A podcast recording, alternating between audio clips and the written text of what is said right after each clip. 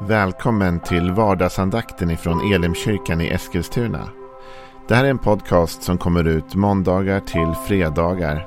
Om du vill veta mer om vilka vi är, vad vi tror på, hur du kan komma i kontakt med oss eller vad vi kan erbjuda dig för någonting så gå in på www.elimkyrkan.com. Får jättegärna gå in och likea vår Facebook-sida. Det är facebook.com elimeskilstuna. Eller så söker du upp oss på YouTube och då söker du på Elimkyrkan Eskilstuna. Vi vill jättegärna komma i kontakt med dig. Men nu lyssnar vi till dagens andakt. Välkommen till vardagsandakten. Vi har talat om Guds välsignelse under en tid och idag så ska vi avsluta den tanken och så imorgon så kör vi lite annat. Men jag vill ändå avsluta med att fokusera lite grann på hur viktigt det faktiskt är med Guds välsignelse. Vi har ju redan sett att Gud vill välsigna och har välsignat oss genom Jesus Kristus. Och att den här välsignelsen kan komma över vår familj, över vårt arbetsliv och över vår position i livet. Och mycket mer såklart.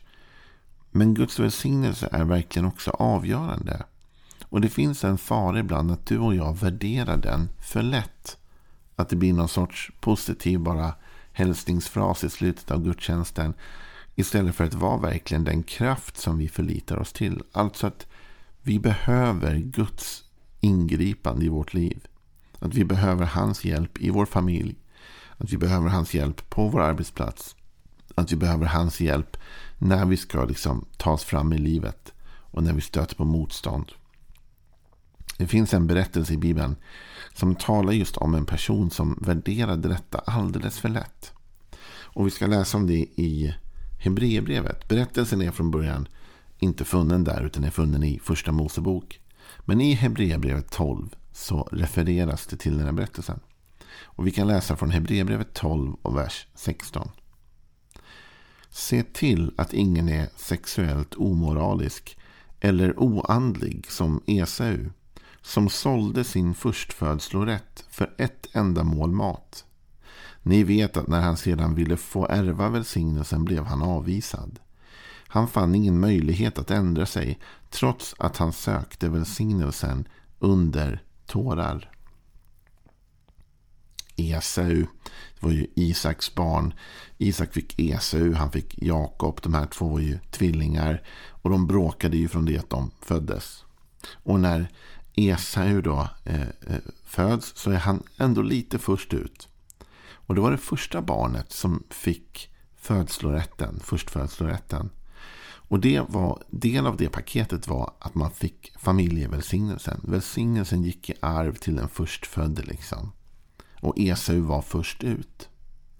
Men Esau, han säljer bort sin förstfödslorätt. Och därmed även välsignelsen. För så gick det i gamla testamentet. Och nu lever vi i ett nytt förbund. Vi är välsignade genom Jesus Kristus. Men jag vill att du ska se ändå liksom vad det här betydde. Va? Han sålde bort sin förstfödslorätt. Han tog inte välsignelsen på allvar. Och sen ångrar han sig långt senare. Och då vill han ha tillbaka den här välsignelsen. Men då är det för sent. Då blir han avvisad. Och han söker då välsignelsen under tårar, står det till och med. Så när Esau väl kommer till insikt, va, då är det ett bittert ångrande att han gav bort förstfödslorätten och att han gav bort välsignelsen. Men för att förstå ännu mer hur det gick till så ska vi läsa från första Mosebok 25. Och då står det om, om Esau och om Jakob. Och så står det så här i vers, eh, i, i, det är första Mosebok 25 och vers 29. En gång när Jakob höll på att koka soppa kom Esau hem från marken alldeles utmattad. Han sa till Jakob, låt mig få äta av det röda, det där röda där, för jag är helt utmattad. Därav fick han namnet Edom. Men Jakob sa, sälj först din förstfödslorätt till mig. Esau svarade, jag håller ju på att dö. Vad ska jag då ha förstfödslorätten till? Jakob sa, ge mig din ed på det först. Och han gav honom sin ed och sålde sin förstfödslorätt till Jakob. Och Jakob gav honom bröd och linssoppa och han åt och drack, reste sig och gick. Så lite värdesatte Esau sin förstfödslorätt. Esau han är en, en jägare, en skicklig jägare säger Bibeln till och med att han var. Jakob däremot beskrivs som en stillsam man som höll till vid tälten. Och eh, han var hemma och lagade mat. Och, Jak och Esau kommer hem, han har varit ute och jagat. Och han är hungrig, och han är hungrig nu. Han har inget tålamod att vänta, utan nu vill han ha det. Och det innebär att han säljer ut sin förstfödslorätt till Jakob. Jakob som är slug och manipulativ i det här läget och såklart. Och lurar sin, sin tvillingbror på förstfödslorätten. Men jag vill att du ska se någonting här. Och det är att du och jag, vi har hela tiden ett val. Att vänta in Guds väg och Guds plan och värdera den. Eller att välja vår egen väg. Och när vi väljer vår egen väg, då är det nästan alltid för tillfällig och snabb mättning. Alltså jag vill ha det nu. Jag orkar inte vänta. Jag kan inte vänta. Jag måste ha det idag, just nu. Det impulsiva. Köttet liksom. Esau, han vill ha mat. Han vill ha mat nu. Jag håller ju på att dö. Jag tror inte alls att Esau höll på att dö. Det tror jag faktiskt inte. Då tror jag att hans brorsa hade gett honom mat oavsett. Utan nej, han ville bara ha det nu. Han var hungrig och han ville ha maten nu. Och vad då vänta på Guds välsignelse? När kommer den då? När ska vår far dö? Det kan väl inte, jag har inget värde av nu. Men i den där sitsen hamnar du och jag då och då. Där Gud vill ge oss någonting, men ibland måste vi vänta på det. För när Gud ger oss något, då är det ju i hans tidsram och i hans plan. Och ibland kan det hända att det jag vill ha just nu, just idag, det har Gud tänkt ge mig imorgon eller om en vecka eller om en månad. Och jag orkar inte vänta. Så jag väljer min egen väg istället. Och konsekvenserna blir ju fasansfulla ofta. Och speciellt för Esau. För Jakob han får sin fars välsignelse till slut. Han ger sig ut och Gud välsignar eh, Jakob på alla möjliga sätt. Och Jakob kommer senare tillbaka som en oerhört förmögen man. Han hade sina utmaningar men Guds välsignelse var ändå verkligen tydligt med Jakob. Men Esau han värderade inte detta utan han värderade bara sitt eget. Kan själv. Det är lite den vi kommer ner i. Och Esau han var ju en jägare. Han var van att jaga sin egen mat. Han var van att klara sig själv. Vad ska han ha Gud till? I Ordspråksboken 10.22 så finner vi den här versen.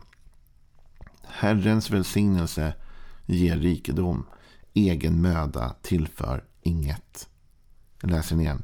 Herrens välsignelse ger rikedom. Egen möda tillför inget.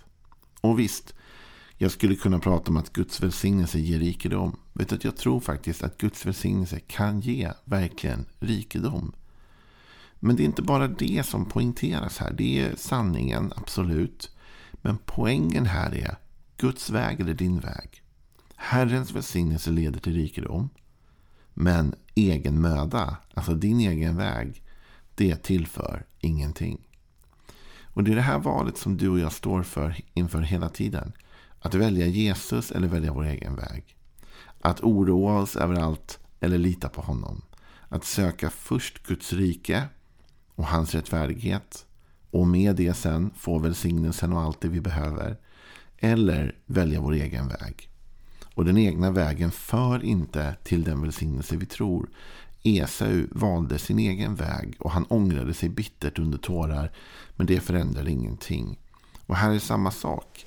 Du och jag utmanas av Gud att välja välsignelsens väg. Och att välja välsignelsens väg är att välja Guds väg.